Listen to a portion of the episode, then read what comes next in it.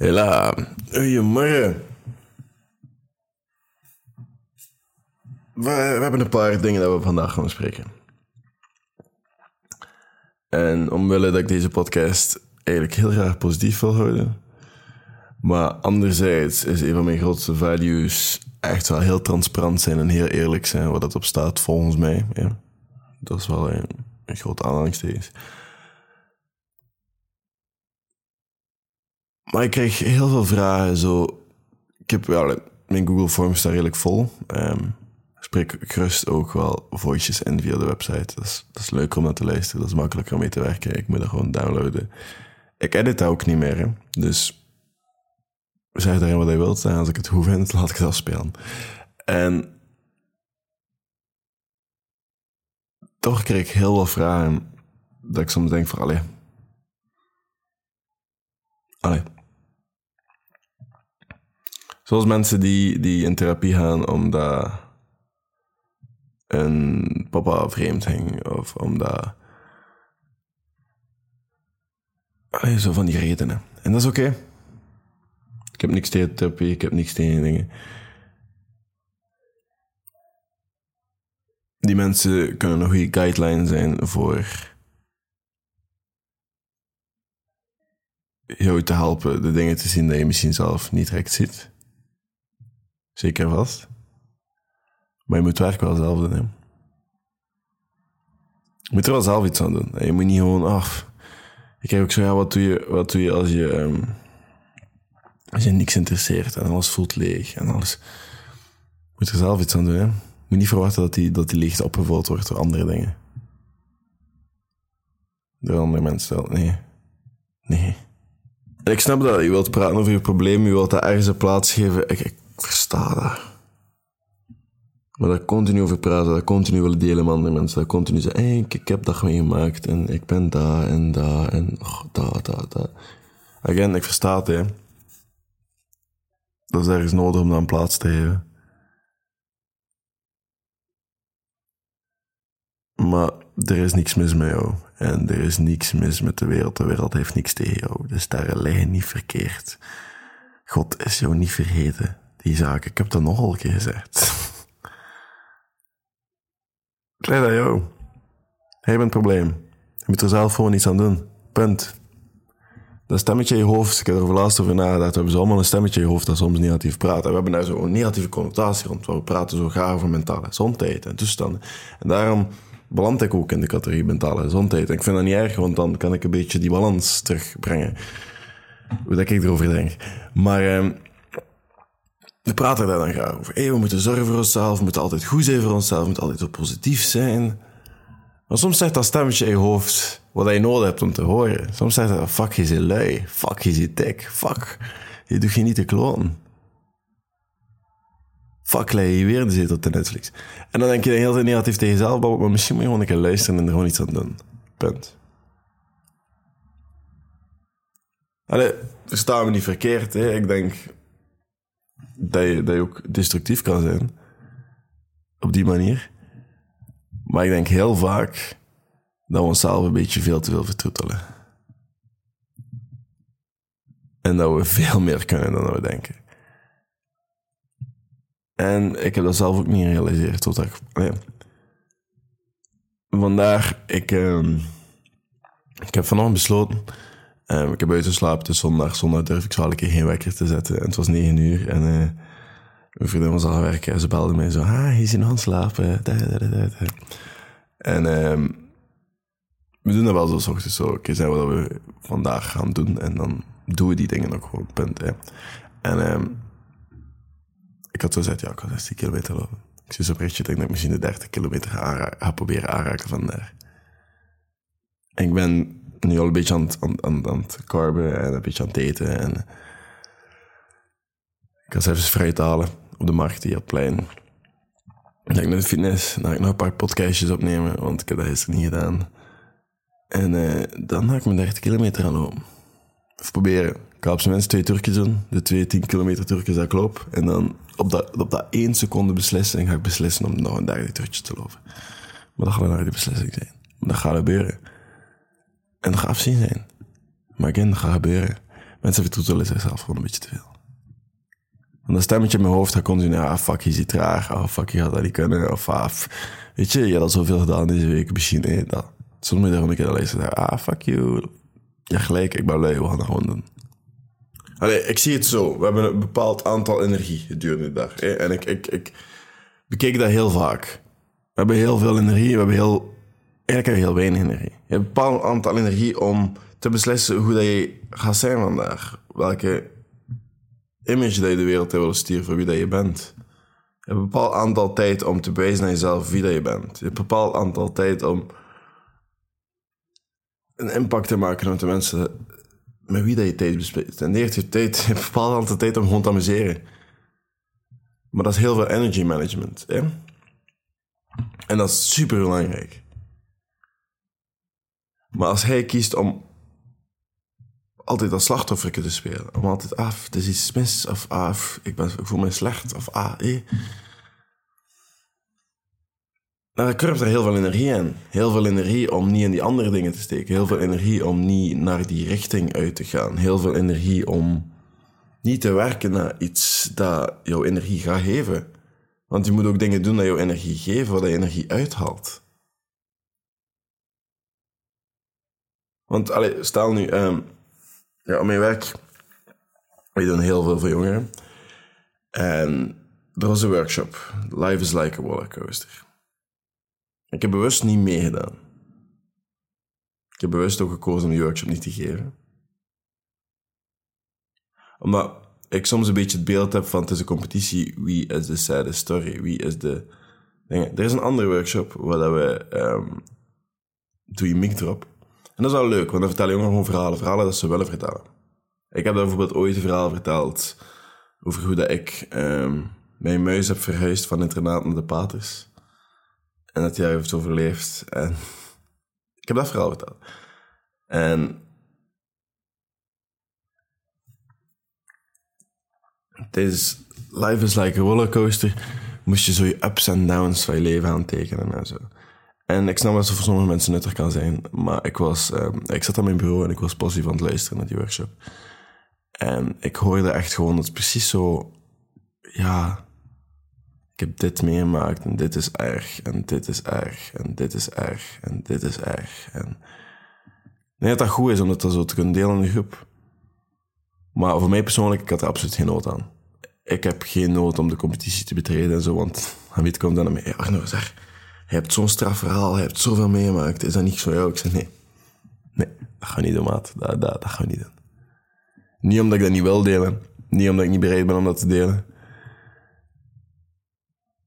maar ik heb daar heel veel over gepraat. Ik heb al genoeg plaats kunnen geven. En voor mij is dat niet... Dat was niet mijn moment to take the shine.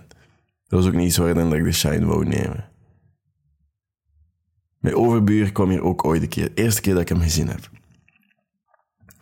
En uh, die heeft niet zo'n goede indruk op mij nalaten. Die zei van, ja joh... Allee, het verhaal begon eigenlijk met mijn bovenuur die, die thuis kwam van een paar pintjes. En uh, hij wou zijn vriendin niet wakker maken. Dus hij zei van, ach nou, we kunnen een beetje nadenken bij jou.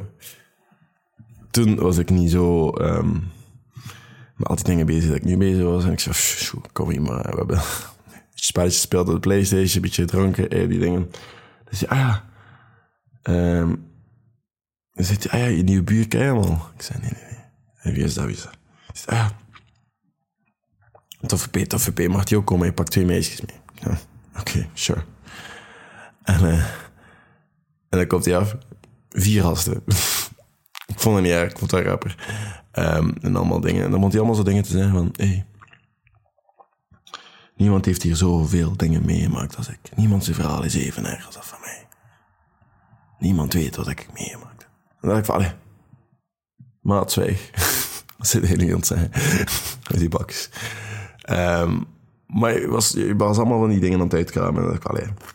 en dan mocht hij ook zo allemaal te vertellen. En dan, dat maakte mij niet zoveel uit. Ik, als je daar plaats wil geven, zo va, yeah, again. Maar dat maakte mij niet zoveel uit. En dan mijn bovenbuur, die kent mij een beetje. En die weet ook al een beetje van mij vanaf. En die zei, ah... Oei, Arno. Ik zei, well, nee. Nee, we gaan dat niet delen. Dat is niemand in zaak. is niet... Ik vond dat ook zo... allee, ik snap dat niet, waarom de mensen zo zijn. Ik snap niet waarom de mensen zo per se... Zo, ah ja, ik heb zoveel meegemaakt. I am the most sad story. Wil je echt zo de, de, de meest sad story zijn en echt gewoon, ah ja, die mensen is geboren voor het ongeluk, die mensen gaan nergens naartoe gaan. Wil je die mensen zijn? Ik alleszins niet. Ik wil niet de meest sad story hebben.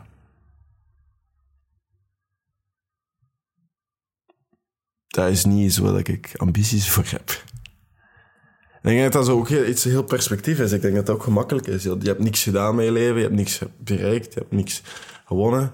Maar je hebt dan zo gezegd wel dat verhaal overwonnen. Je hebt zo gezegd wel die dingen meegemaakt. En dat is een overwinning, hè? 100 procent. Maar wat heb je sindsdien gedaan? Alleen over dat verhaal verteld. Niet?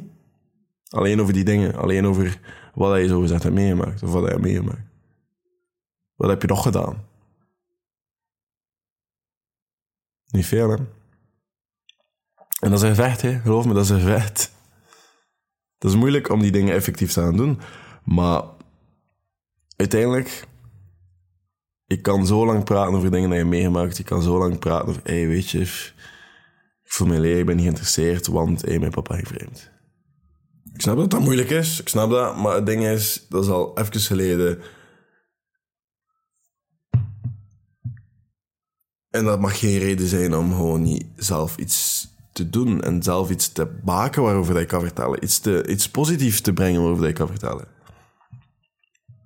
Stel nu, jij, start een, een bedrijf waarmee dat je jonge mensen die in diezelfde situatie zitten, of whatever dat, dat je mee helpt, of dat je iets positief impact aan de wereld. En dat je zegt, ah, ik heb dat opgericht met die reden. Wow, dat is een veel straffe verhaal ben veel meer geïnteresseerd dan, ah, je hebt dat meegemaakt. Want dan je er iets van gedaan. Dan je er iets mee gedaan. Dat is veel interessanter. Allee, heel deze ding komt eigenlijk op één neer. Ik heb, ik heb ooit gehoord, je kan oftewel vooruit kijken, oftewel kan je achteruit kijken. Je kan niet naar beide dingen tegelijk kijken. Kies, kies je ervoor om achteruit te blijven kijken van, ah, dit heb ik meegemaakt, of kies je vooruit van, dit hou, dit hou doen, dit ga ik aanpakken, dit ga ik Snap je? What's next? Je kiest daarvoor, dat is een keuze die je maakt. En de reden dat ik dat dan zo moeilijk mee heb, is gewoon omdat ik dat zelf heel moeilijk had om dat gewoon te laten, dat, dat gerust te laten. Ik had dat heel moeilijk. En dat brengt mij naar de vraag van Emma. Wat heb je toegelaten om te kunnen loslaten? Ik denk gewoon dat ik mezelf heb toegelaten om er iets mee te doen. Want ik heb, ik heb een lijst van zo lang van dingen dat ik meegemaakt heb. Een lijst dat ik nooit heb gedeeld met mensen. Dat, dat, dat ook niet... Allee, waar ik zelfs zelf van vergeten ben. Waarom? Omdat het mij nu niet meer dient. Dat gaat mij nu geen betere persoon maken als ik dat nou weet. Snap je? Dat, is, dat, dat zijn heel wat... Allee, ik heb heel veel meegemaakt. Ik heb heel veel, heel veel shit gezien. Er, er zijn dingen dat ik, dat, ik, dat ik moet vertellen soms. Er zijn redenen waarom dat ik zo om mijn 17 jaar alleen ben gaan wonen. Er zijn redenen waarom dat ik bij Paters ben gaan wonen. Dat, heeft zijn redenen allemaal. Er zijn mensen, mensen stellen vragen. Op die vragen heb ik een antwoord. op die vragen ik nog dieper op in.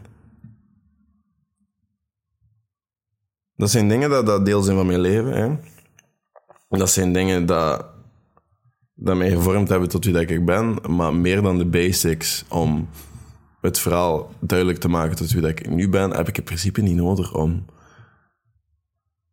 om continu te blijven verklaren waar ik naartoe ga. Dat dient mij niet meer om de persoon te zijn wie dat ik wil. Dat dient mij niet meer om te worden wie dat ik wil worden. Dat, dat, dat maakt mij een betere persoon. Daar continu op terugkwijlen en kwennen en whatever. Dat heeft geen dienst. Ik ben geen slachtoffer. Ik heb iets meegemaakt, heb me sterker gemaakt en nu bam, was next. Er waren mensen in mijn leven echt niet goed bezig. Er waren mensen in mijn leven die het heel moeilijk hebben gemaakt voor mij. Zijn nu nog in mijn leven? Nee. Dus ga verder met je leven. Doe er iets mee. En ja, nee, de Arno, is niet zo simpel. Jawel, jawel. Jawel, dat is wel zo simpel. Snap je? De pa dat je nooit had, was geen pa dat je was. Oké. Okay. Maar dat is er. Ik zou die gast niet moeten zijn. Wat heb ik daaruit geleerd? Hoe dat je niet moet doen. Punt. Hoe ga ik het wel doen? En ik snap ook dat heel veel mensen daar iets aan hebben. Aangezien, als ik die workshop zag van, joh, dat is een rollercoaster. Daar waren mensen serieuze dingen aan het vertellen. Daar waren er serieuze verhalen in. En iedereen was oh.